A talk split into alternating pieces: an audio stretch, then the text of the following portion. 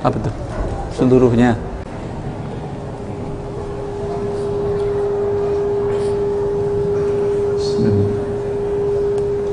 Assalamualaikum warahmatullahi wabarakatuh. إن الحمد لله نحمده ونستعينه ونستغفره ونستهديه ونتوب إليه أشهد أن لا إله إلا الله وحده لا شريك له ونشهد أن محمدا عبده ورسوله.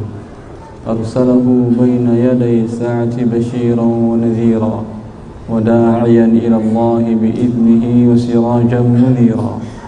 صلوات ربي وسلامه عليه وعلى آله وصحبه ومن اهتدى بهديه واستنى بسنته إلى يوم الدين وبعد. إخواني وأخواتي في الله Saya sebelum saya mulai Antum inginnya diceramahi berapa menit Dan ingin bertanya berapa menit Hah? Dua-duanya mau sampai semalaman Ya diceramahin Waktu kita sampai jam 9 Ada dua jam ke depan Nanti istirahat sholat InsyaAllah Mau diceramahi berapa menit Mau tanya jawab berapa menit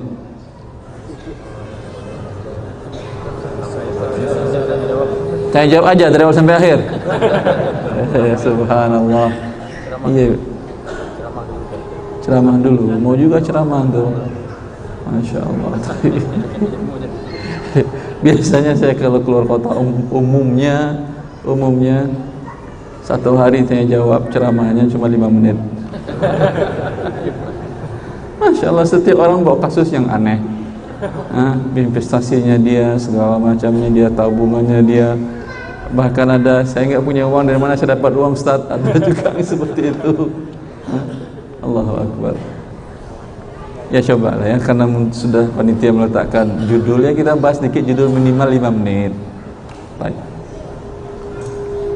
Ikhwani wa akhwati fillah sebuah hadis diriwayatkan dari Rasulullah sallallahu alaihi wasallam dikeluarkan dari Imam Al-Hakim dalam mustadraknya dan beliau mensahihkannya dan disetujui oleh Al-Imam Al-Zahabi bahwa Rasulullah sallallahu alaihi wasallam bersabda nafatha ar-ruhul amin fi raw'i annaha lan tamuta nafsan lan tamuta nafsun hatta tastakmala rizqaha wa ajalaha فأجملوا في الطلب ولا يحملنكم استبطاء رزق ولا يحملن أحدكم استبطاء رزقه على معاصي الله ini sebuah hadis yang agung dan mulia sekali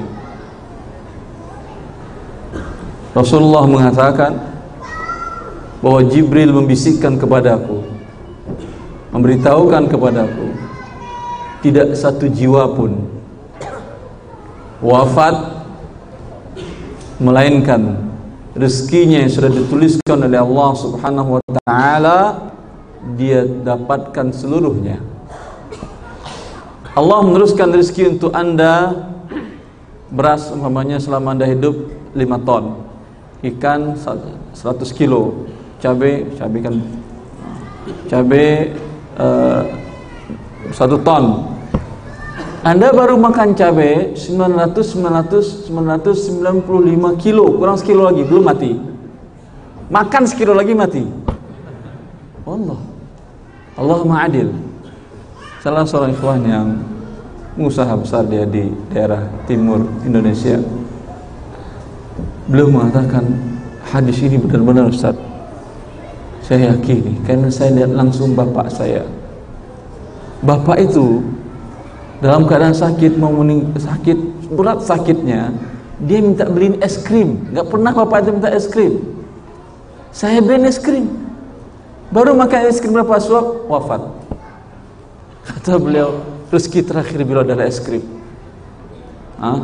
kalau es krimnya terlambat datangnya mungkin terlambat matinya. Karena pas waktunya alhamdulillah Allah jemput dia pada waktunya Allah telah tentukan seluruhnya masalah rezeki. oleh karena itu karena Allah telah tentukan Rasulullah mengatakan fa'ajmilu fit talab. Dalam menjemput rezeki tadi ambil dengan cara yang baik. Khudhu ditafsirkan oleh para ulama. Khudhu ma halla wa da'u ma haram ambil yang halal ini rezeki anda tinggalkan yang haram ini bukan rezeki anda ha? sekarang jadi pertanyaan siapa yang tahu mana yang halal mana yang haram Tunjuk tangan, saya tes dia. Siapa yang tahu mana yang halal, mana yang haram dalam rezekinya dia? Tunjuk tangan. Saya tunjuk. Saya tanyakan profesinya apa? Saya tanyakan mana yang halal, mana yang haram dari profesi Anda. Enggak enggak berat, enggak berat pertanyaannya. Siap, Pak? Siap enggak? Siap, bismillah. Bapak profesinya apa? Buruh. Pegawai. Buruh, buruh, buruh. Nah, buruh kata dia kenapa antum bilang pegawai? Berbohong dia untuk jawab depan Allah bukan saya. Buruh ya Pak ya? Masuk jam berapa, pulang jam berapa peraturannya yang Anda tanda tangani pada awal kontrak kerja? Jam 7 pulang 14 4. Biasanya masuk jam 7 lewat 5 atau 7.20? Hah? Bus sampai jam 10, Masya Allah tujuh tujuh sepuluh bisnya pulang jam tiga tiga puluh empat kurang empat pas kadang kurang kadang lewat. Tapi anda sudah di bis seperempat jam sebelumnya? Kadang pulangnya jam lima ah kadang pulang jam lima. Masya Allah. Allah barik fikum. Jam lima? Kenapa pulang jam lima? Kadang ada makan malam atau? Teh sepuluh menit ini halal atau tidak dari gaji anda? Tidak. Berarti tahu anda mana yang halal mana yang haram? Selama ini solusinya bagaimana? Yang tidak halal ini anda apakan? Itu tadi kalau kita ada nggak nuntut. Apa? Kita kelebihan jam kerja misalnya jam 12. Kelebihan bekerja nggak nuntut. Apakah disuruh oleh tempat bekerja kalau kurang boleh ditambah? Tidak kan ya? Berarti anda mau mau anda sendiri kan ya? Padahal dia mau tutup nggak sebentar-sebentar lagi 10 menit lagi nggak ada gunanya anda pada sudah ditutup semuanya Solusinya bukan begitu.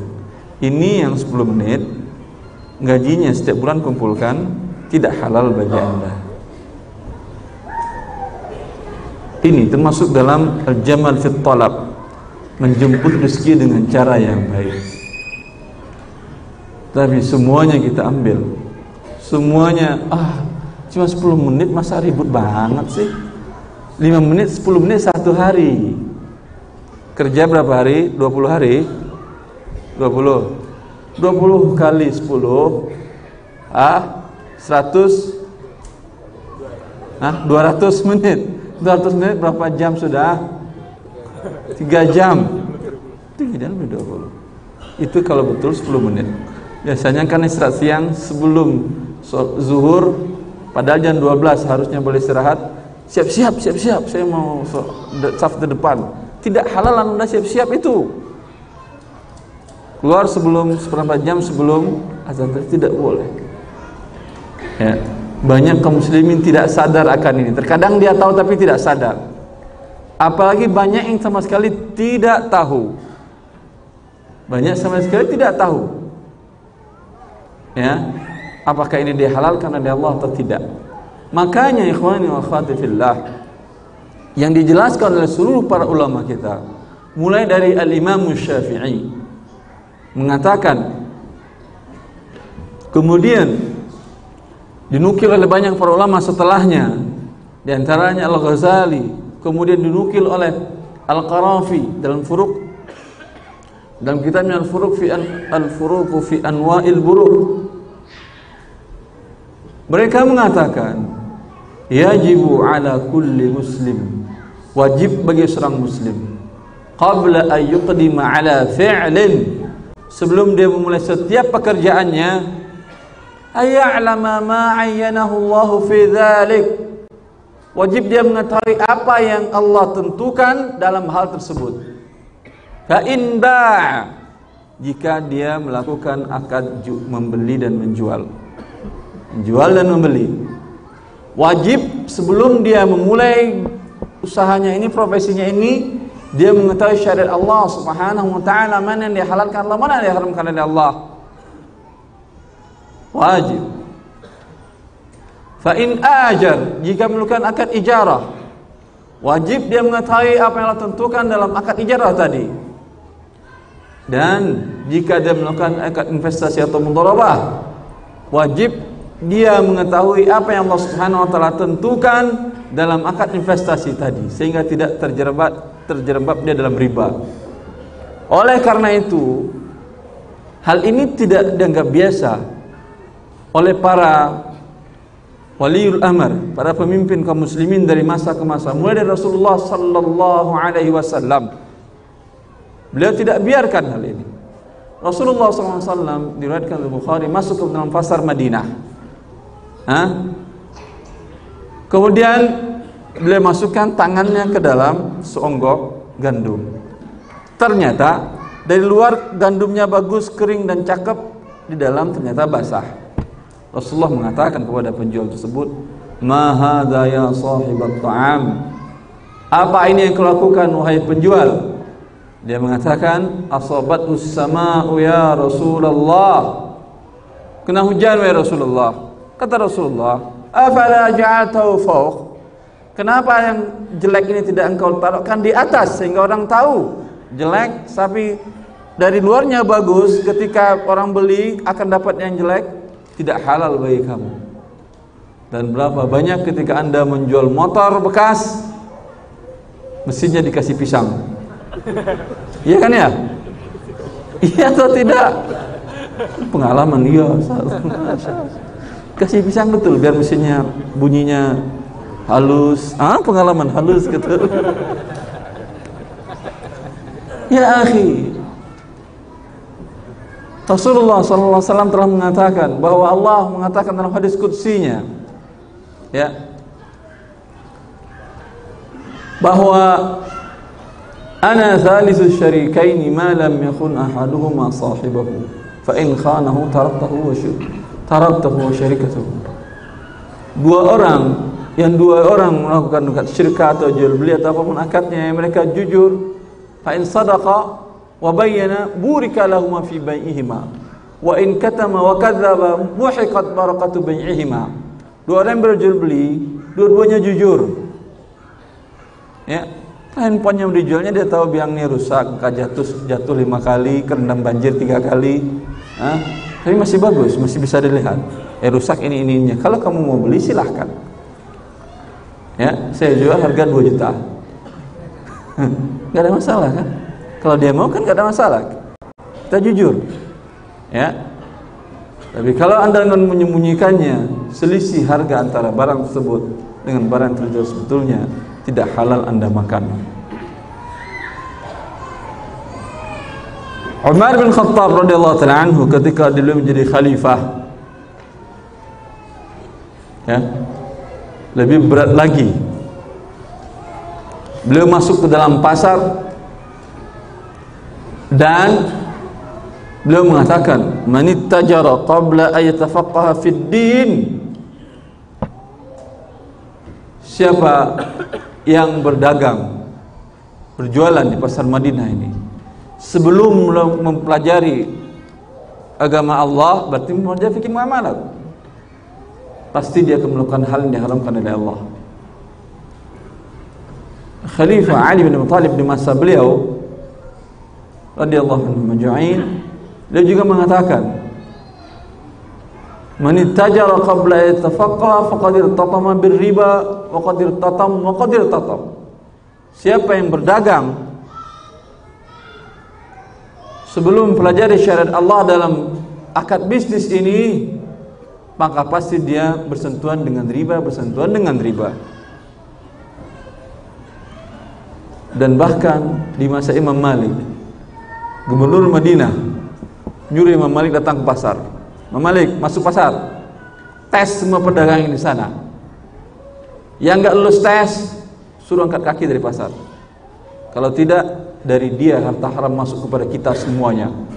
Kita tidak mau seseorang menjadi ha, duri dalam daging baik kaum muslimin yang lainnya sehingga dites beliau yang tidak lulus tes ambil daurah latihan dulu. Iya ya alhamdulillah. Setelah nanti mas tes masuk lagi. Sekarang semua profesi kan ada sertifikasinya. Iya atau tidak? Cuma satu yang tidak ada sertifikasi. Pedagang. Ada nggak sertifikasinya? Mau yang halal mau yang haram mau yang apa pun yang penting bagi dia uang. Dokter ada sertifikasinya guru ada sertifikasinya ada ha, pelatihan berkala segala macam. Pedagang tidak ada dia lahir dari mana? Dia lahir dari pasar. Pasar tersebut kalau tidak mengerti syariat Allah maka akan lahir pada pedagang-pedagang yang rusak. Yang tidak mengerti syariat Allah sehingga yang haram bersebaran di tengah-tengah kaum muslimin. Itu pasar kalau kecil. Kalau pasar besar seperti pasar keuangan atau pasar bursa saham triliunan dana haram beredar di umat manusia. Gara-gara mereka ini tidak mengerti syariat Allah. Maka memang tidak diajarkan anda di sekolah dari kecil dari SD, SMP, SMU sampai perguruan tinggi. Diajarkan nggak cara mencari rezeki yang halal? Nah, kata para ulama? Ya? Kalau hewan memang tidak diajarkan orang tuanya langsung bisa Hah? Hewan langsung bisa dia, nggak perlu diajarkan terbang, terbang sendiri dia. Manusia mencari yang halal tidak bisa, harus belajar. Pelajari syariat Allah Subhanahu Wa Taala dalam hal ini. Seperti anda mempelajari fikih salat, Hah? wudhu dan lain-lainnya yang merupakan ibadah. Ini merupakan mencari yang halal karena bila ibadah anda setiap hari anda memakan dari harta yang didapatkan dengan bisnis yang tidak halal tadi karena tidak tahu. Oh, kalau nggak tahu kan enak Ustaz. Allah maafkan. Kata Imam Syafi'i tidak.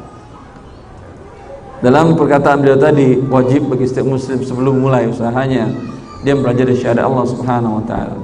Maka siapa kata beliau yang belajar kemudian mengamalkan ilmunya dan praktekkan dalam bisnisnya, dalam usahanya, dalam profesinya sesuai dengan yang Allah syariatkan dapat dua pahala. Pahala menuntut ilmu, pahala mengamalkan. Siapa yang belajar tidak mengamalkannya, maaf. Siapa yang tidak belajar dan tidak mengamalkannya dapat dua dosa. Enak aja kan nggak tahu, nggak perlu belajar. Kalau belajar malah tahu nggak repot. Saya tulis buku harta haram tersebut karena eh, isi semuanya kan yang haram aja semuanya dan banyak dalam kehidupan manusia. Ketika saya berikan salah seorang teman, eh, enggak enggak enggak saya enggak baca karena kalau tahu ntar repot. Aneh, saya datang sebuah daerah, Ustaz banyak teman-teman kita ketika antum tahun di sini biasanya dia aktif ikut kajian Ustaz. Kalau saya erwani saya enggak hadir gitu. Nanti saya susah. Ya, Orang seperti ini dosanya dua. Dosa dari dari tidak mempelajari syariat Allah karena Allah perintahkan dia, fas'alu ahla dzikri in kuntum la ta'lamun. Bertanya kata Allah. Kalau kalian tidak tahu. Sekarang dia tidak bertanya, tidak mempelajarinya, satu dosanya. Kemudian dosa melakukan perbuatan yang haram tadi. Itu yang dimaafkan Allah kalau Anda hidup sebelum diutus Al-Quran, itu iya. Atau Anda berada di daerah seperti di pedalaman Irian Jaya yang tidak ada ustadz bertanya di sana nggak ada handphone, tapi sekarang dalam Irian Jaya ada handphone kan ya?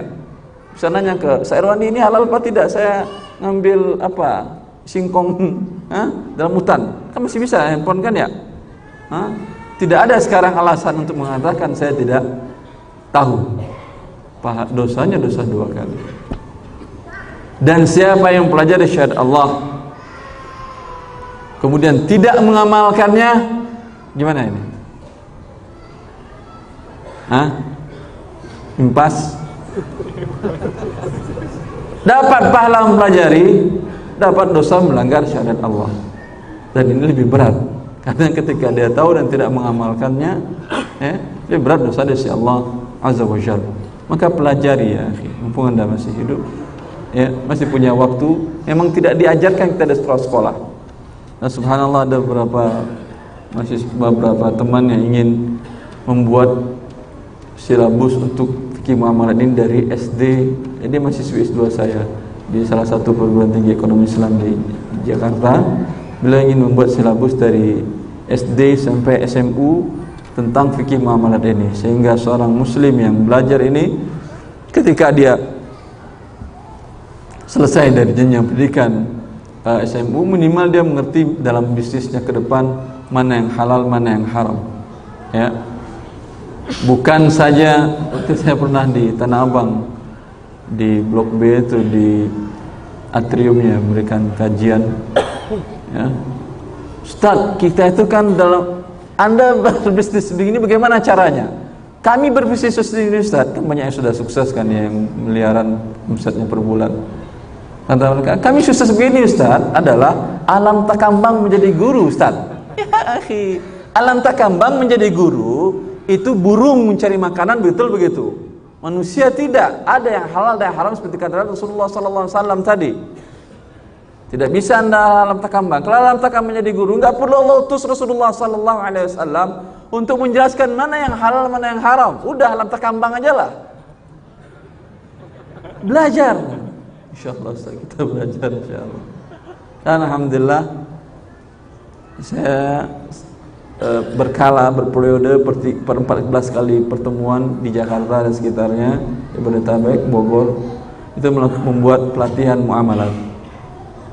Pelatihan bisnis bagaimana akad-akad yang syar'i ini akad ini bagaimana langkah-langkahnya SOP-nya bagaimana sampai buat akadnya. Dan alhamdulillah umumnya orang yang sudah pada ikut Masya Allah Ustaz kita sekarang baru tahu bagaimana cara mendapatkan yang halal. Ya. Tapi itu kan terbatas. Ya. maka semoga Allah subhanahu wa ta'ala memberikan kemudahan kepada kita untuk mendapatkan yang halal mempelajari syahadat Allah minimal menanyakan dalam kasus yang bisnis yang akan kita lakukan sesuai atau tidak dengan syahadat Allah subhanahu wa ta'ala. Silahkan jawab berapa menit lagi ya Zanisha? 8 menit lagi. Tiga tiga kan ya? Hah? empat satu. Uh, sepuluh menit. Oh, silakan yang bertanya. Ya pak.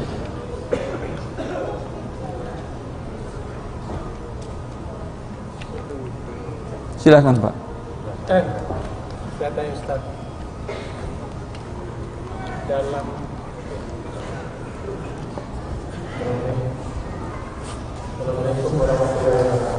Salam wabarakatuh. Kalau kita berdagang, adakah kebuatan Apa? Kebuatan agama atau syariat, berapa besar kita akan untung dari modal? Iya. Kalau kita bapak berdagang? Tidak, tapi, tapi kemungkinan hal ini bisa terjadi. Eh, enggak, maksud saya kalau berdagang saya tes. Apa syarat sah rukun akad dagang jual beli? Ah, kalau nggak tahu syarat sah rukun akad, gimana bisa sah? Sama nggak tahu syarat sah, sah rukun sholat. Tapi bukan alhamdulillah selamat bukan pedagang ya. Berapa persen pedagang boleh mengambil keuntungan? Maunya berapa? Banyak-banyak. Siapa yang mau beli? Gak ada yang beli udah. Ada itu dagangan tuh namanya. Bukan dagang namanya itu ya. Tidak ada ketentuan dalam syariat Allah batasan maksimal mengambil keuntungan. Dengan syarat ah, bahwa pembelinya tidak tertipu. Kalau tertipu tahu dia orang dari pedalaman ah, jarang ke kota ya nggak tahu dia harga handphone beginian ya anda katakan ini handphone murah handphone murah 15 juta 100 ribu rupiah bekas kalau baru mungkin sampai harganya kan ya. Bekas. Eh, oh iya, iya murah ya.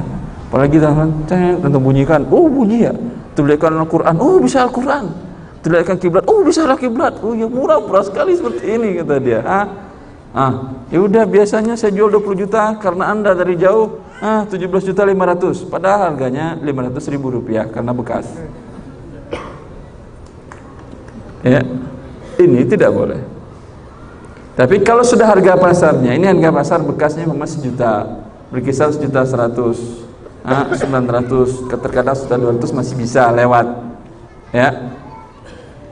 Kalau sudah harga pasar yang dibolehkan mengambil keuntungan ya berdasarkan pendapat yang terkuat dalam hal ini ini Malikiyah tidak boleh dari sepertiga lebih dari harga pasar berarti harganya 100 ribu tadi kan ya? Sepertiga dari 100 ribu 30 ribu. Anda jual 130 masih boleh. Anda jual 180 tidak boleh kecuali anda sampaikan. Bilang ke dia mas ini harga pasarnya berkisar 130 sampai 100 ribu. Kalau sama saya enggak 140 kenapa? enggak pokoknya saya segitu berkah insya Allah. Hah? kalau dia mau dibodoh-bodohin enggak apa-apa.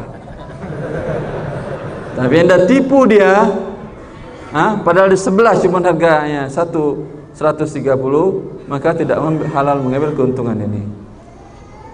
Pada dasarnya dari modal awal tidak ada ketentuan dalam Islam.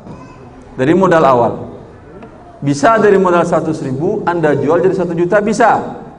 Tapi bukan harga pasar di tempat anda beli tadi. Kalau tadi itu nggak mungkin mungkin bawa ke daerah yang jauh. Seperti umpamanya semen satu sak di sini berapa harganya? Hah? 50 Hah? Berapa? 60-an bisa harga 300 ribu ke mana anda jual?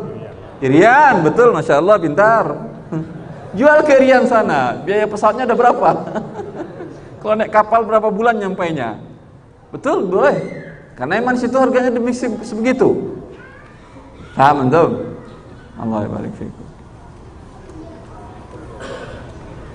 Silahkan.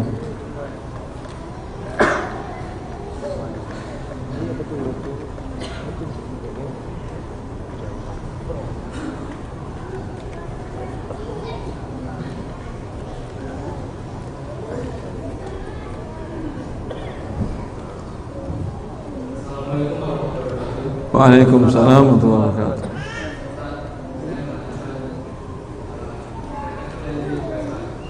Apa?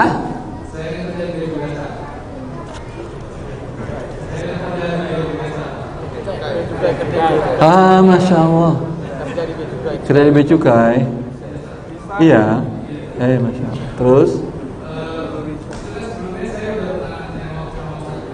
Iya, iya, banyak di YouTube banyak. Ya.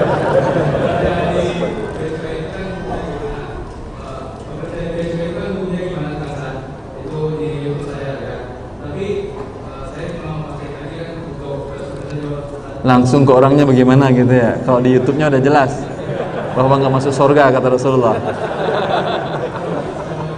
Allah ya. Anda dari stand dulu? Dari stand stand Jakarta? Allah fik. Ini sering saya sampaikan ya. Bahkan saya diminta oleh Dr. Daeng Muhammad Nazir beliau kepala pengawas pajak nasional langsung di bawah menteri karena menteri itu ada kelas dia waktu di Amerika. Ada kelas dia ngambil program S3 di Amerika waktu itu dulu menteri yang sebelumnya Bambang. Lalu beliau bilang Ustaz saya sering dengar ceramah Ustaz di Radio Roja dan saya tahu hukum kerja di pajak dan di bea cukai. Tapi tentu nggak mungkin saya bilang ke bawahan saya Ustadz aja yang bilang boleh nggak? Boleh. Dikumpulkannya seluruh kepala pajak pertama sejak Bodetabek di sebuah daerah. Ustadz silahkan ceramahi mereka. Saya ceramahi tapi tolong jaga keselamatan saya. Insya Allah Ustadz. keselamatan Insya Allah saya jaga. Hah? Hai.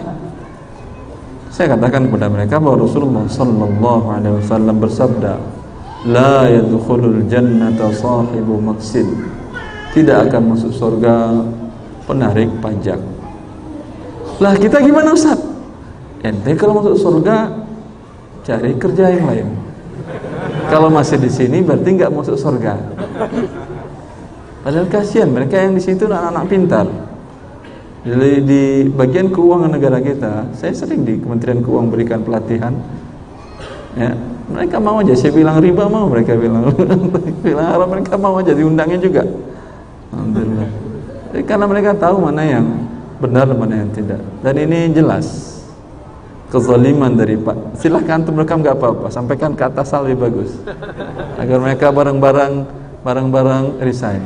Saya diundang di salah satu bank asing di Jakarta di kantor pusatnya seminar tentang riba, hadir langsung vice president yang buka. Lalu setelah seminar para yang para karyawan yang hadir Ustaz, Pak kita resign, Pak kita resign, Pak kita resign. Kenapa presidennya? Ya saya tahu saya juga bareng kalian mau resign.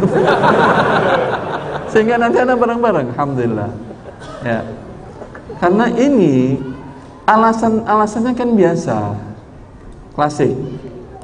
Kalau ini haram Rasulullah kan nasnya sudah jelas haram. Dan bagaimana apa yang disebab disebabkan oleh pajak tadi Disebabkan oleh pajak tadi Kezaliman kepada seluruh rakyat dari bea cukai umpamanya, setiap barang yang masuk ke Indonesia ha, akan dikenakan pajak. Ya kan ya? Maka barang itu yang beredar, beredar di Indonesia dibeli masyarakat sudah tambah di sana harga pajak. Iya atau tidak? Iya.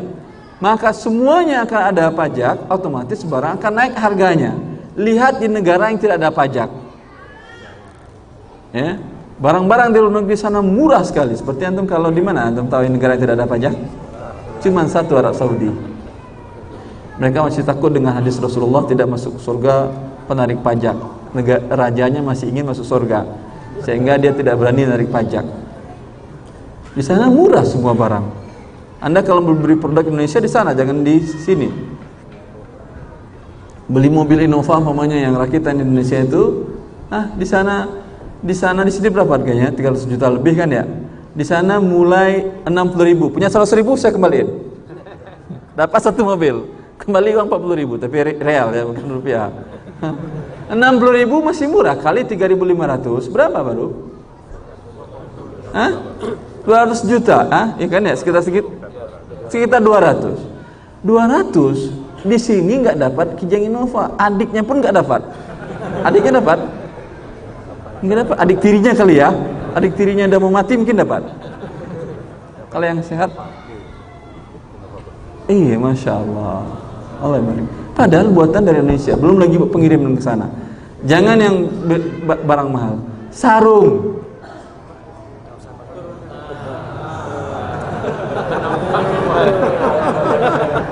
Mereka yang ingin pajak di Bagaimana sih ekspresi Ustaz ngomong masalah pajak? sarung. Sarung buat murni buat Indonesia dari Jawa Timur itu ha? di sini harga 100 ribuan kan ya? Satu gajah duduk ya? Di sana 25 real dapat 75 ribu. Di sana nggak ada pajak. Jelas tentu nah, kalau mau beli barang sebagai pedagang beli dari sana bawa ke sini beli sana bawa ke sini dari sana bawa ke sini dari sini bawa ke sana dari sini bawa ke sini lagi subhanallah Jelas kezalimannya itu? Hah? Boleh, boleh, boleh. Original tapi black market itu black market. Jadi barang tapi original Black market itu artinya nggak bayar pajak kan ya?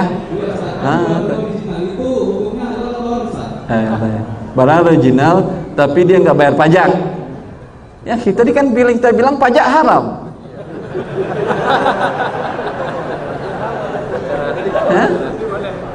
Kenapa ada black market? Karena adanya pajak yang haram. Coba tidak ada pajak yang haram, semuanya white market. Gara-gara ada pajak sehingga ada black market. Jelas. Allah ibarik Cabut pajak tadi semuanya white market. Alhamdulillah. Ini pasar terbuka di masa Rasulullah seperti itu. Ya. Umar pernah menerapkan pajak tapi kenapa beliau terapkan pajak? Karena orang-orang kafir pedagang muslim mereka tarik pajak. Setiap pedagang muslim masuk ke kota-kota non-muslim bawa barang dagangan mereka tarik pajak. Maka Umar melakukan muamalah bil mathal siapa dari pedagang negara kafir tadi yang masuk sini bayar pajak, tapi yang muslim tidak bayar pajak. Kalau kalau pajak yang ada sekarang mau muslim mau kafir mau apa lagi bayar semuanya itu tidak Ah, taib. Jangan bilang Umar pernah menerapkan. Taib. kita lanjutkan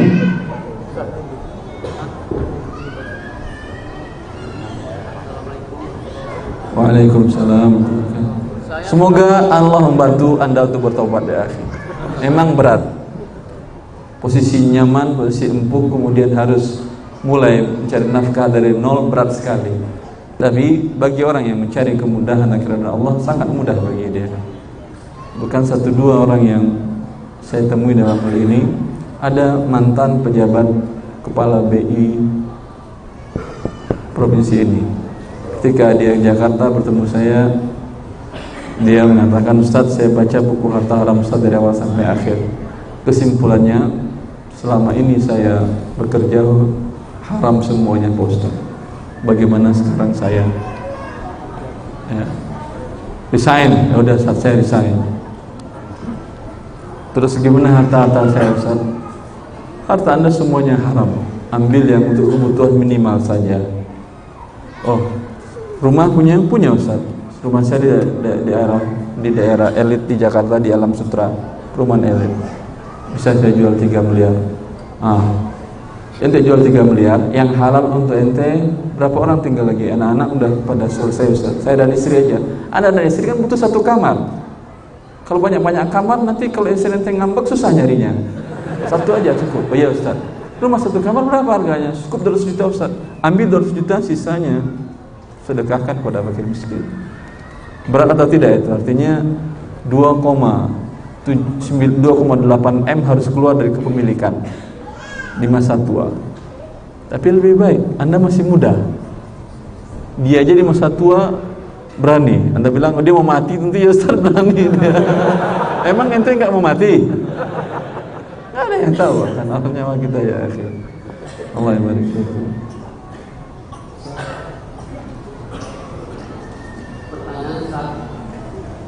saya seorang dagang namun saya belum pernah ya namun sekolah eh, dagang yang yang haram halal itu bagaimana? Secara sekolah Muhammad mana akadnya halal ke haram teh. Udah berapa tahun Anda dagang? Baru 15 tahun. Eh, ya, tahu. Nanti kalau bersih-bersih berat ini. Tai. Terus Jadi tolong dalam 15 tahun dan saya syarat-syarat jual beli hal itu bagaimana? Uh, rukun nasajul banyak. Tapi sebaiknya menurut saya Anda tinggal di mana? Harapan Raya, oh dekat dari rumah orang tua saya. saya berharap masjid-masjid besar seperti Masjid Ittihad, masjid yang lain yang punya kegiatan bagus buat pelatihan. Ya. Minta ustaz yang mengerti muamalat untuk mengajarkan hari ini kaji khusus tentang bisnis ini, akad ini. Ya. Hadir semuanya kalau perlu harus ada uang pendaftaran segala macam untuk untuk operasional bagus sekali. Mereka siap kok. Saya di Tanah Abang tuh rutin mereka undang. Kalau tiga per tiga bulan mereka undang buat diskusi. Ya. awalnya dari enam orang sampai akhir terbuka di atrium di blok B itu. Ya. Harus ada usaha jelas. Dan modulnya ada. Kalau Ustaz di sini siap umpamanya saya siap kirimkan modul. Kalau saya datang ke sini mungkin susah waktunya karena saya juga ada keterikatan di Jakarta atau kalau mungkin tim saya saya kira mungkin bisa. Kalau Ustaz sini keberatan bisa. Itu mesti. Kalau namanya pihak masjid lambat bergerak anda coba aja teman-teman yang punya profesi yang sama nah, kumpulkan mereka berapa orang hubungi nanti saya punya teman-teman yang yang buat PT konsultan syariah bisnis. Ya namanya Erwan Determine Associates for Syariah Consulting. Antum hubungi dia. Ya. Mereka insya Allah lillahi ta'ala ikhlas. Kalau bisa gratis gratis. Tapi alhamdulillah pesawat belum bisa gratis. Insya Allah jelas okay? ya Allah azan dulu sholat dulu nanti kita lanjutkan insya Allah tidak terakhir sampai jam 9 masih ada. Kita salat dulu tapi tadi.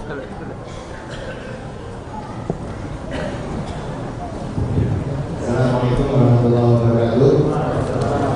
Alhamdulillah jadi pertama kali ini kita kalau kita lanjutkan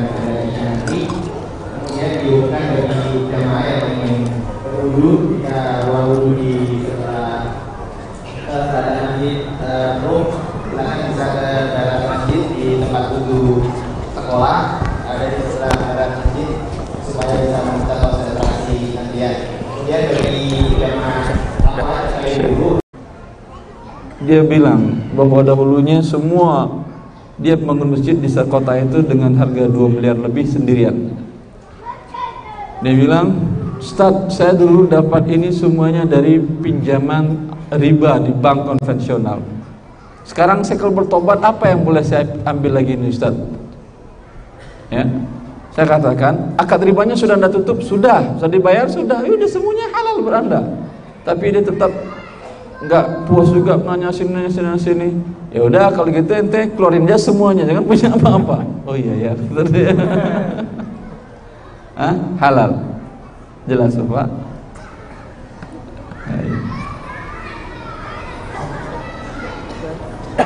Sebentar, sebentar. tinggal 35 menit. 5 menit lagi kita masuk ke kertas ya. Sekarang silakan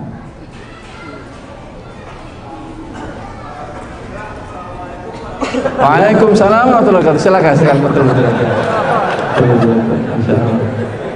Gak apa-apa, jangan kasih mic, jangan kasih mic sudah kedengaran suaranya. Ah. Ya.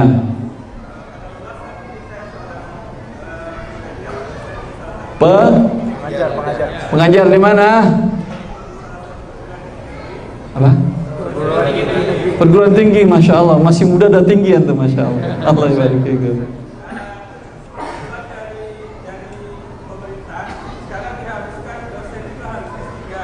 Masya Allah, iya bagus.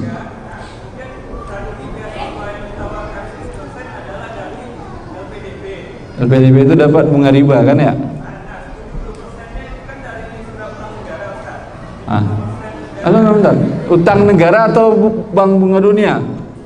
bunga Bank Dunia?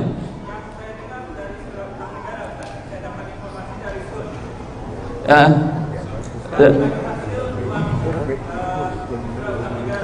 Bagi hasil seorang negara, bagi hasil riba. Ah, 30 persennya dari mana?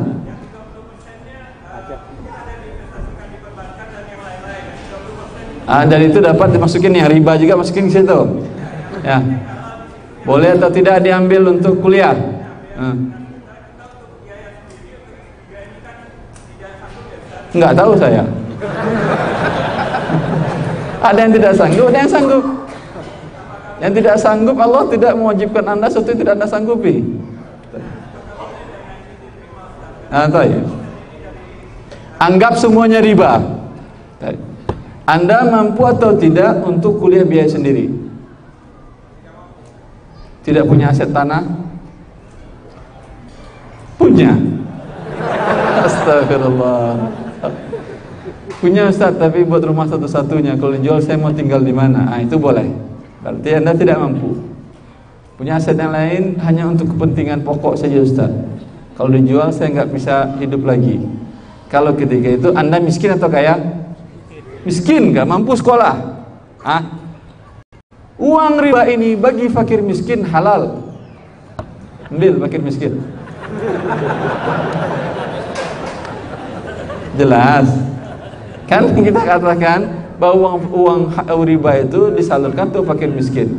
Ini fakir miskinnya nanti berguna bagi umat kan ya? Tapi jangan nanti ajarkan riba lagi ke masyarakat. Paham? Anda di jurusan yang berguna untuk masyarakat atau jurusan yang riba-riba juga? Ah.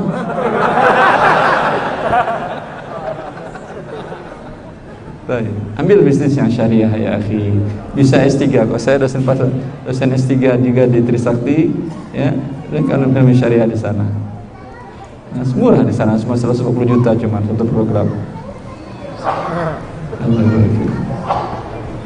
Ya. Amin. Assalamualaikum warahmatullahi wabarakatuh.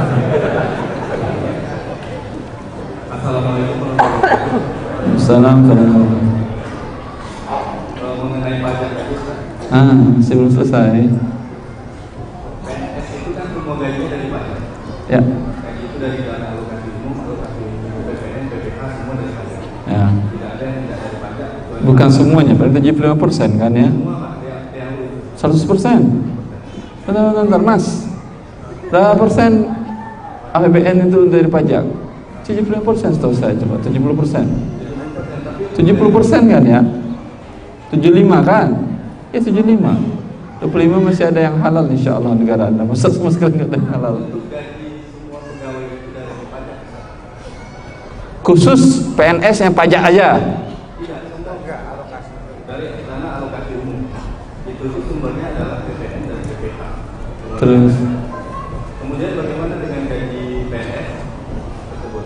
Terus juga di PNS ada di bagian keuangan. Katakan seorang akuntan di sana kan semua dicatat bunga deposito pemerintah kan menempatkan uang bank terus juga mencatat bunga utang Eh, bagaimana dengan PNS yang melakukan eh, anda di bagian mana? Jangan tanyakan pertanyaan orang lain. Pertanyaan anda apa? Iya PNS bagian yang mencatat riba itu. Oh berat anda kalau gitu. Dapat uang dari pajak kerjanya juga yang riba. Mencatat bunga. Itu Rasulullah mengatakan dikutuk oleh Allah pemakan riba pemberi makan riba dan penulisnya. Berarti anda penulisnya kan ya? Dikutuk dijauhkan rahmat Allah subhanahu wa ta'ala. Ya? Kalau ini ya harus resign anda pindah ke bagian yang lain. Jangan yang buat oleh lintas riba ini. Ha? adapun gaji pegawai negeri yang berasal dari riba bila yang anda berikan jasa yang halal ha? dia ada berikan anda gaji dari uang hal tersebut insya Allah nggak ada masalah.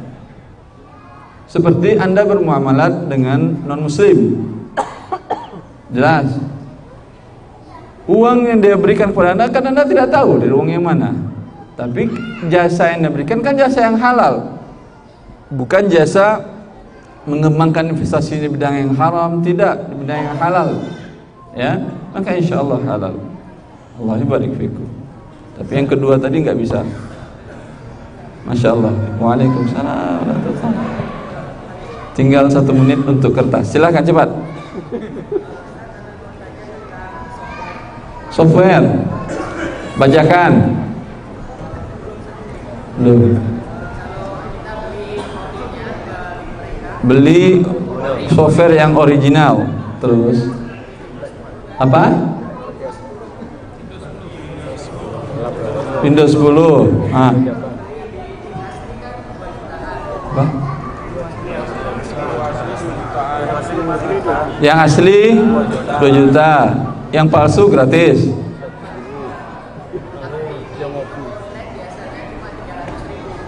Tiga ribu asli juga.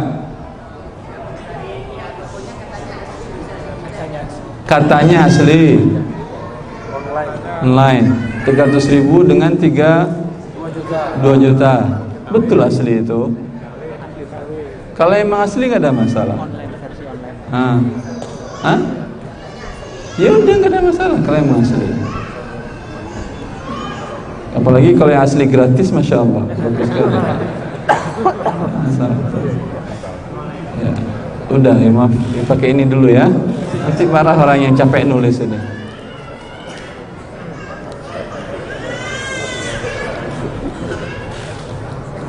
Assalamualaikum Waalaikumsalam Saya menjual tanah dua tahun yang lalu dan baru laku terjual seharga 200 juta Apakah uang penjualan dikenakan zakat barang dagangan?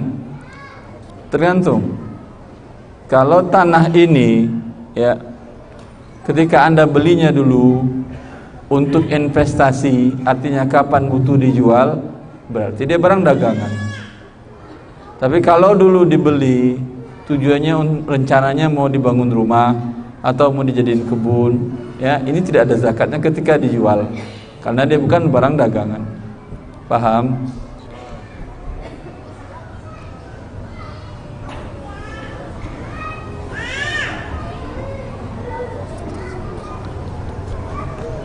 Ustaz, apa Ustaz tahu tentang bisnis trend? Banyak pertanyaan ini tapi sampai sekarang saya lupa. Lupa saya. Dulu pernah timnya beliau, tim Ustaz ini dan Ustaz ini sendiri mahasiswa S2 saya di Ekonomi Islam di eh, Trisakti. Tapi saya lupa pertanyaannya di waktu sebelum saya sakit.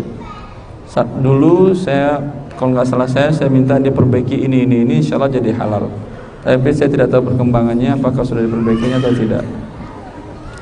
Karena sampai sekarang murid yang ini nggak pernah lagi bertemu dengan saya. Apakah halal apa ini? Apakah halal dimakan, dinikmati hasil mudharabah dari deposito simpanan di bank syariah yang terkenal di Indonesia?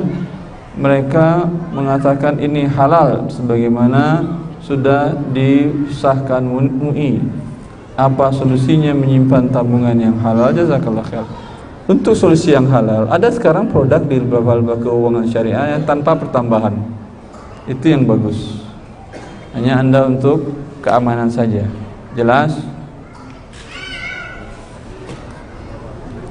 Saya seorang perencana bangunan Kanwil Pajak Provinsi Riau. Bagaimana KPP apa ini? Dan KPP perwakilan fee desain yang saya terima apakah haram? Perencana bangunan kanwil pajak. Fee apanya ini berarti? Fee desainnya halal atau haram? Ah, ah, karena dibayarkan dan disetorkan pajak tahunan setoran pajak tahunan sebelumnya mohon tanggapannya tidak boleh anda mendesainnya. Desain jadi jelek boleh. Kalau desainnya jadi bagus nggak boleh. Karena dengan bagusnya itu jadi lancar mereka bekerja menarik kezaliman dari masyarakat.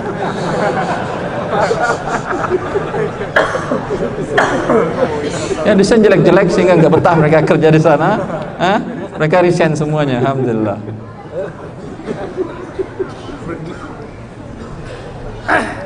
Masya Allah pajak semua di sini.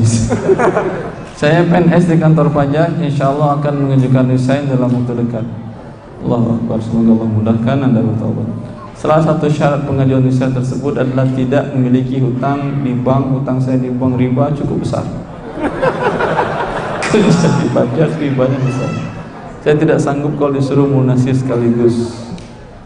Ya, hutang di bank riba yang wajib Anda bayar secara syar'i maupun secara legal hukum hanya pokoknya saja. Berapa yang anda terima itu aja bayar. Bunga jangan pernah dibayar. Jelas?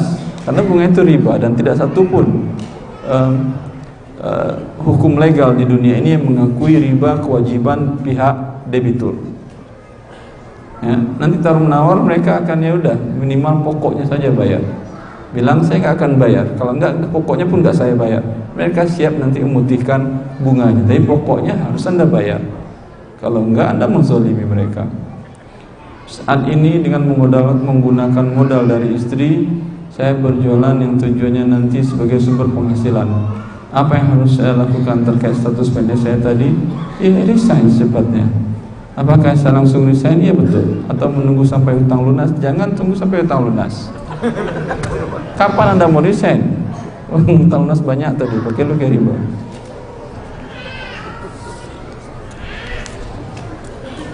Ana seorang pedagang selama ini Ana membeli barang dagangan Ana dengan cara tempo hutang selama satu bulan setelah barang sampai. Yang ingin saya tanyakan, manakah lebih baik membeli barang dengan cara tempo hutang atau dengan cara cash tunai? Yang lebih baik tentu cash tunai. Tapi kalau Anda beli cash tunai, Anda bukan pedagang namanya. Karena kemampuan cash tunai segitu aja, tapi dengan tidak tunai Anda bisa beli lima kali lipat dari itu, ya atau tidak? Begini pegangan caranya, dengan modal sedikit-sedikitnya mendapat keuntungan sebesar-besarnya. Masya Allah. Selagi halal, kenapa tidak? Masya Allah. itu dipajak juga itu.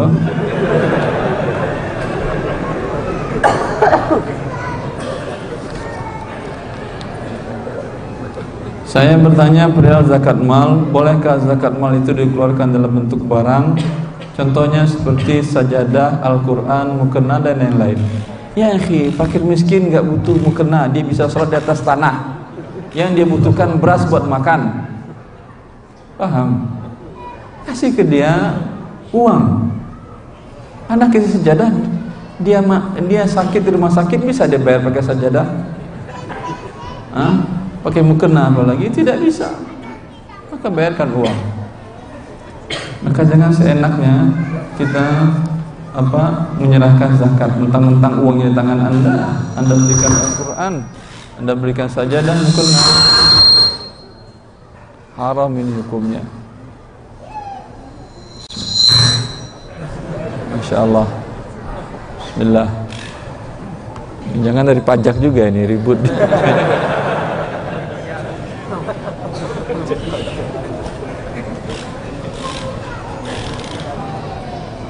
Eh Bagus nih pertanyaan Assalamualaikum warahmatullahi wabarakatuh. Assalamualaikum Ustaz saya bertanya Apa hukum BPJS Saya pernah diundang oleh Kompas TV waktu itu. Ribut dengan salah satu anggota Dewan Syariah Nasional Tentang masalah BPJS Dan kalau BPJS sangat bagus Cuma satu lagi yang menyebabkan dia Menjadi hukum tidak sesuai syar'i. Kata dia enggak harus bikin BPJS syariah. Apa yang bikin BPJS syariah hilangkan dendanya menjadi syariah dia. Anda bank syariah anda masih ada denda. Denda keterlambatan. Ya sekarang masih ada denda itu. Maka untuk peserta mandiri tidak boleh kecuali kecuali bila diwajibkan anda untuk mengikuti itu untuk sebagai apa kebutuhan hidup anda di Indonesia. Untuk mengurus ini dan itu harus ada keanggotaan PJS walau ta'alam tidak ada masalah ketika itu dosa bukan anda apa hukum asuransi dan apa pandangan Ustaz tentang BMT? Eh, Masya Allah, BMT kebetulan saya di BMT Tihad diminta sebagai apa jabatan saya lupa saya. Pengawas syariah. Eh Dewan Pengawas Syariah, Masya Allah. Ingat sekarang. Eh dan karena itu saya datang karena mau ada rapat besok rapat RUPS, iya RUPS namanya. Rat, Hah? rat. Rat. Apa itu? Rapat ang- anggota tahunan eh, perusahaan ya. Nah, makanya saya datang sini dan alhamdulillah bisa bertemu dengan Anda. Bersyukur kepada mereka. Kalau enggak mungkin tunggu tahun depan kita bertemu lagi. Ya. BMT itu tergantung bagaimana pola mereka. Kalau pola mereka sesuai dengan syariat Allah bagus. Kalau pola mereka sesuai dengan bank syariah, ah, hindari itu BMT karena hanya namanya aja yang syariah. Paham? Tidak ada jual beli barang di situ. Di bank syariah bisa anda beli rumah. Walaupun anda bilang beli rumah dikasihnya tidak uang juga. Bukan rumah. Ya? Makanya tidak boleh. Kecuali ada beberapa bank syariah yang dia berani memang rumah tidak uang dikasihnya anda. Itu boleh berarti betul jual beli. Hah? Adapun bank-bank syariah kebanyakan umumnya enggak. Anda mau apa aja bisa. Mau beli rumah, mau beli kendaraan, beli apa bisa. Tapi uang juga. Sama enggak dengan di bank riba? Yang mereka kasih motor atau uang? Uang. Nanti ketika Anda bayar, uangnya sama nominalnya atau berlebih? Berlebih. Itu dia yang riba. Di bank syariah juga begitu. Dikasihnya uang ketika bayar berlebih terlambat di bank riba. Ada pertambahan penalti? Ada. Di bank syariah terlambat ada pertambahan? Ada juga. Cuma namanya gharamatut takhir. Apa itu artinya? Denda keterlambatan. Hukumnya apa? Sama aja riba juga. Cuma pakai bahasa Arab. Subhanallah. Ya akhi. Anda bodoh-bodohin Indonesia. Memang sudah bodoh mereka anda bodoh-bodohin juga ya tinggal mengerti bahasa Arab dipikir sudah jadi halal. Artinya ternyata sama. Ya jelas. Tapi kalau diberikannya umpamanya adalah saya mau beli rumah tunggu. Kami siapkan rumah yang anda inginkan setuju seperti ini setuju. Ya ada DP di tidak ada. Kemudian rumah sudah jadi silahkan pak telepon silahkan. Ini rumah yang anda inginkan. Mau juga ambil? Boleh. Biar DP sekarang? Boleh DP sekarang. Terlambat karena denda? Tidak ada denda Lalu bagaimana cara mengamankan aset mereka, piutang mereka? Gampang kan? Itu balik nama nanti setelah lunas. Kalau dia namanya tidak bisa melanjutkan uang prestasi, tinggal dijual ke pihak ketiga, kembalikan uang orang itu. Ambil sisa hutang Anda, ambil sisa piutang Anda, sisanya berikan kepada dia. Hah? Kok seperti itu? Halal. Tapi ini syariah mana seperti ini? Hah? Tapi ada salah satu bank syariah yang ngaku bisa Ustaz kita bikin begitu. Bagus saya bilang. Baru baru beberapa hari yang lalu saya berikan ceramah di depan mereka. Ya, mereka siap seperti itu. Ya, tapi nggak bagus saya sebutkan inisialnya nanti jadi iklan di masjid nggak boleh. Baik. Itu juga di BMTN. Lihat. Sebentar. Kalau yang dikasihnya Anda umpamanya ingin beli motor, dikasihnya uang atau motor? BMT mana yang ngasih uang? Itiat ngasih uang antum? Mana Itiat tadi? Kalau enggak saya cabut diri sini ini malu-maluin. Enggak kan ya? Hah? Barang Masya Allah Jaga nama pengawasnya Barang yang dikasih itu betul jual beli Bukan uang Paham? Tapi sebagian BMT dikasih anda uang aja Kalau dikasih uang Seperti tadi kasusnya ya Riba Kemudian dibungkus pakai bahasa Arab Apakah jadi halal dia? Ya akhi, yang mengharamkan riba semua bahasa Arab Al-Quran. Yang membuat riba yang banyak juga orang Arab jahiliyah. Baik, bagus.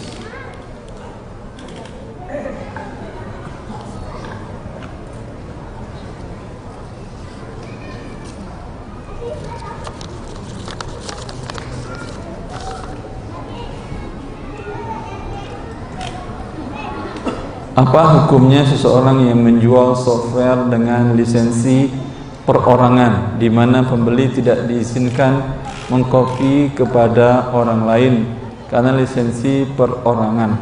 Padahal jika kita menjual barang pada umumnya, si pembeli boleh saja memberikan barang yang sudah dibelinya tersebut kepada orang lain. Betul. Barang yang sudah Anda beli, walaupun dia syaratkan ini tidak boleh diberikan ke orang lain. Ya. Umpamanya saya punya ini. Saya bilang kepada beliau, ini saya beli 5 juta.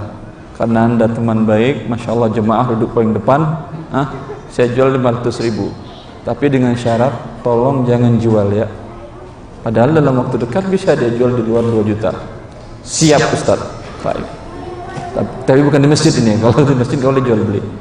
Ambil sini 500 ribu. Keluar dari ruangan ah, sejuta sejuta sejuta kata dia. Langsung orang beli. Berdosa atau tidak dia? Halal bagi dia.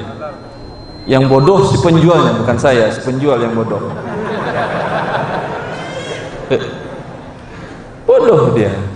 Karena dengan akad jual beli barang sah milik beliau mau dia hibahkan setelah itu mau dijual dia ah, mau nggak dipakai dia mau segala macam urusan dia bila dibuat persyaratan tidak boleh dijual lagi ini persyaratan batal karena bertentangan dengan konsekuensi dari akad yang berpindah kepemilikan kepada si pembeli.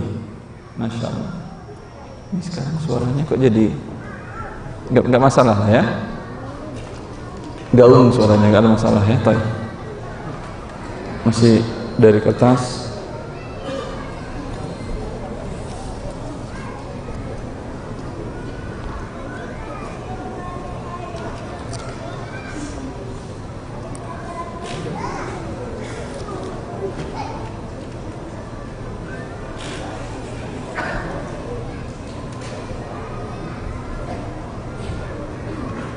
Pajak lagi, pajak lagi. Hmm, baik, bagus. Ustaz, saya sempat lihat ke website RJH Bank dan saya melihat bahwa RJH juga menerbitkan kartu kredit. Bagaimana sistem kartu kredit yang mereka terbitkan? Kartu kredit yang mereka terbitkan tidak ada denda keterlambatan. Ya, betul.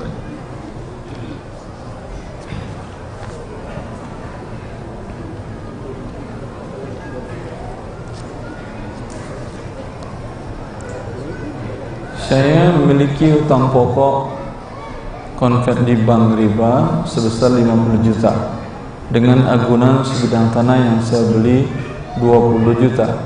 Total hutang pokok dan bank bunga sekitar 70 juta. Saya sudah membayar angsuran lebih dari 40 juta. Setelah saya tahu bahwa hutang di bank itu riba, Saya jadi takut membayar angsuran. Lalu saya bilang ke pihak bank untuk minta agunan yang saya jaminkan karena saya tidak membayar angsuran lagi. Apakah tindakan saya benar? Tidak, karena agunan Anda berapa harganya tadi ini? 20 juta. Hah? Sedangkan Anda sudah bayar 40. Yang wajib Anda bayar 10 lagi. Ya, bayar 10 ya. Minta agunan Anda, jangan bayar bunganya. Mau enggak dia? Mau enggak dia? Tanpa bunganya dibayar? Mau. Insyaallah mau.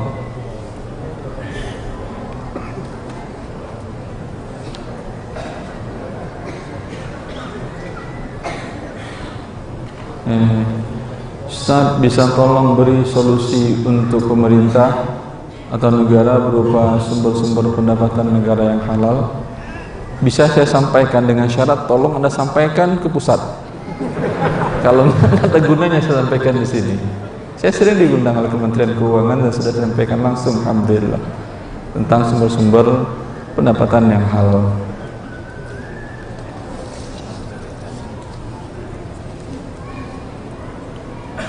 Ustaz mau tanya tentang batasan hukum judi. Apakah termasuk judi perlombaan kontes ikan hias yang diadakan dari kita untuk kita? Apa maksudnya ini? Kita kita. Misal daftar lomba 30 ribu. Dan yang menang mendapat uang tunai 100 ribu. Piala tambah sertifikat. Tapi apabila peserta kurang dari 10 orang maka hadiah uang tidak dibagikan. Iya ini judi untuk kita oleh kita. Dan judi ya akhi Ah, daftar 30 ribu nanti kalau anda menang dapat 100 ribu. Yang kalah dapat apa dia? Gigitlah jarinya. Ini dia yang judi itu menghilangkan hak orang lain. Paham tuh kalau tidak menghilangkan hak orang lain tanpa uang tanpa uang pendaftaran anda ikut lomba hadiah dari sponsor untuk lomba ikan hias pun tidak halal mendapatkan hadiahnya. Karena ini termasuk mesir bukan judi. Tapi mesir. Mesir lebih luas daripada qimar atau perjudian. Karena anda kan tidak keluar uang tapi dapat hadiah. Yang boleh dapat hadiah dalam Islam itu hanya tiga perlombaan saja. La sabaqa illa fi khufin aw hafirin aw nasrin. Kata Rasulullah SAW yang boleh mendapatkan hadiah dari perlombaan hanya tiga saja pacu kuda, pacu onta dan memanah. Dan yang semakna dengan ini digunakan untuk berjihad fi sabilillah. Ha? itu boleh mereka berlomba di sana dan boleh mendapatkan hadiah tapi dari sponsor. Kalau untuk ikan hias apakah ikan hias bisa dibutuhkan untuk berjihad? Tapi kalau umpamanya lomba di bidang sains. Silakan ajukan desain umpamanya untuk tank baja yang bisa di udara, di laut dan di darat. Nah, pemenangnya dapat hadiah. Ini boleh karena walaupun bidang sains umpamanya tapi berguna untuk digunakan untuk berjihad fisabilillah. Nah, silahkan buat tank bisa di udara di laut. dan di darat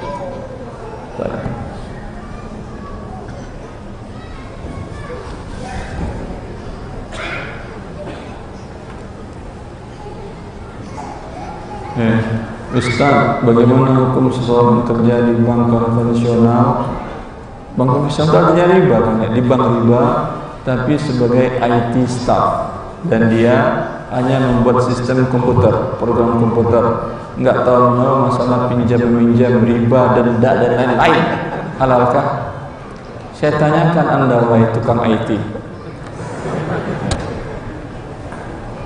Kalau tidak anda buat IT-nya, bank bisa jalan? Bisa? Eh, Gara-gara anda buatkan IT-nya, ribanya berjalan. Jangankan anda tukang buat IT, satpamnya saja dan bagian cleaning service-nya saja. Kalau hari ini satpam semuanya resign, buka enggak bank itu hari itu? Tidak. gara-gara satpam ini bekerja dengan semangat ribanya jalan hari itu buka kantor riba. Kalau clean service nggak bersihin semuanya berani nggak tamu tukang riba ini masuk? Tidak. Oh hidung dia. Dan pegawai-pegawai juga nggak mau masuk. Karena servisnya clean bagus. Sehingga tukang riba semangat bikin riba di situ. Allah Akbar. Jangan bilang tidak tahu menang gara-gara anda ribanya lancar bilang tidak tahu Ustaz, anak saya bekerja di bank. Saya sebagai orang tuanya sudah sering menyuruhnya berhenti bekerja di bank. Dia ada saja alasan untuk menunda berhenti bekerja. Dia masih tinggal bersama kami orang tuanya meski dia sudah bersuami dan mempunyai dua orang anak. Bagaimana solusi Ustaz? Kami sebagai orang tua? Apa kami tak berdosa sebagai orang tua? Terima kasih. Terus nasihati ya. Terus nasihati dia sampai Allah memberikan kemudahan dia untuk bertobat kepada Allah SWT jangan pernah berhenti. Kalau terkadang nasihat harus keras tidak ada masalah harus keras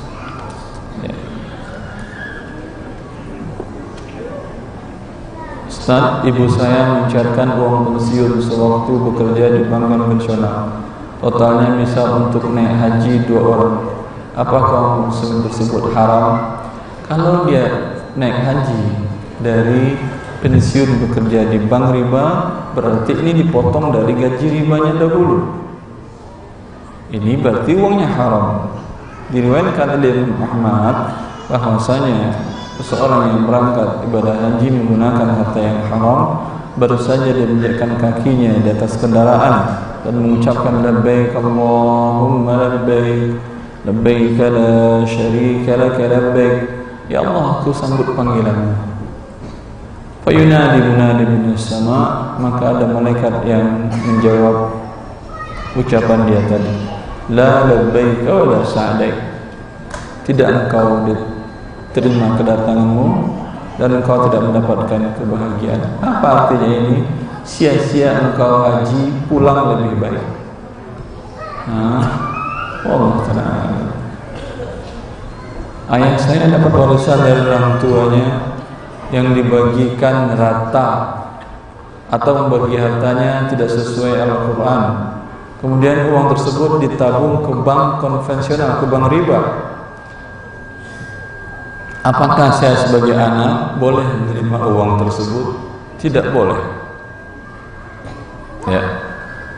Warisan yang dibagi tidak sesuai dengan Al-Quran adalah mengambil harta dengan cara yang zalim bila pemilik harta tersebut ada anak yatim maka anda termasuk memakan harta anak yatim dengan cara yang batil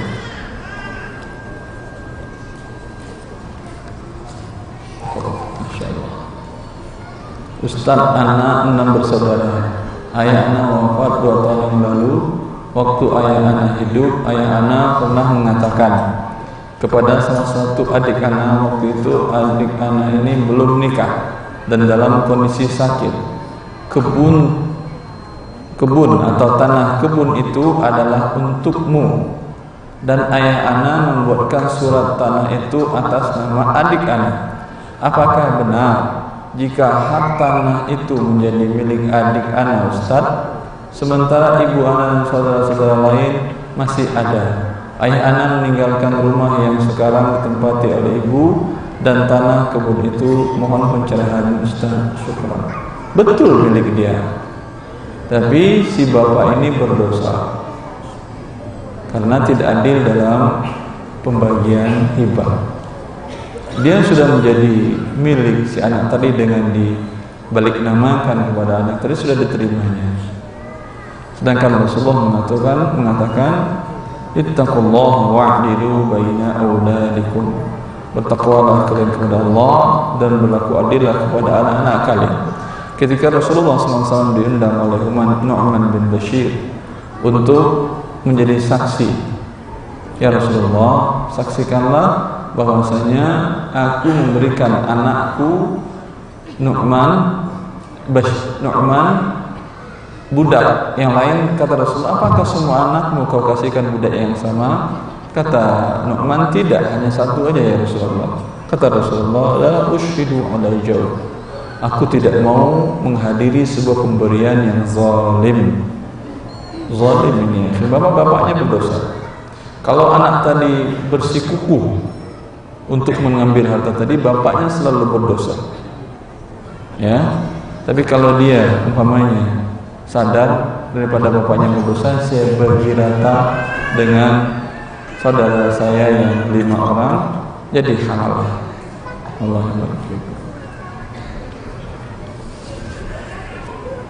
panjang banget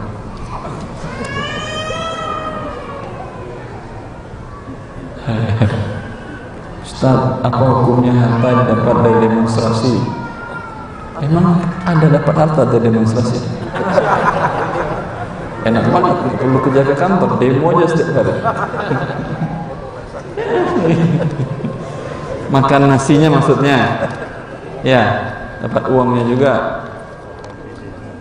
anda ada demo untuk alasan apa hmm? bilang tidak ada kufur buah kafir yang nyata daripada pemimpin tidak boleh dapat demo ya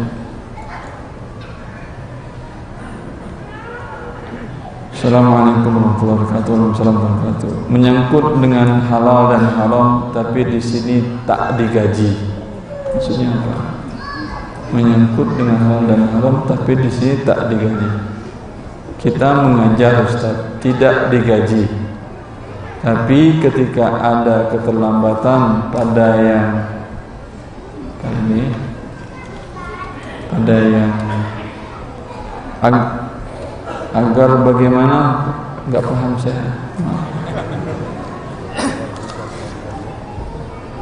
Saya menjual kaos polos. Pada saat pelanggan saya ingin membeli ternyata stok baju saya habis. Lalu saya bilang ke pelanggan kalau mau nunggu saya belikan dulu. Kaos dikirim dari luar kota jadi pelanggan harus menunggu proses kirim. Pertanyaan bolehkah saya minta uang muka? Bukan uang muka namanya. Ini bagus berarti anda belum akan jual beli. Tapi nggak boleh minta uang muka karena uang muka itu bagian dari akad jual beli bagian dari pembelian. Kalau mau minta namanya uang hamish jiddiyah atau komitmen fee atau namanya uang keseriusan. Statusnya apa? Di tangan anda pinjaman. Ah, pinjaman. Karena sesuai pinjaman nanti kalau dia setelah anda beli nggak jadi kembalikan uang dia. Tanpa ada pengurangan. Ya kecuali kalau anda rugi akibat itu bisa. Tapi rebun atau apa tadi? DP tidak boleh minta. Cukup saya kira ya jam 9 malam. Cukup? Apa itu pak? Jam?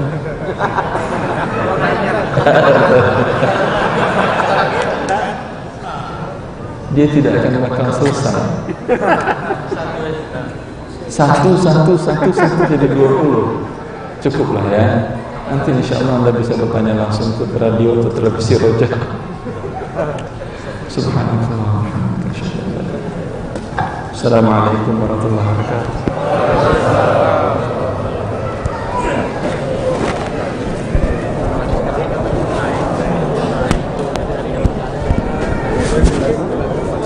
Assalamualaikum Ustaz. Assalamualaikum.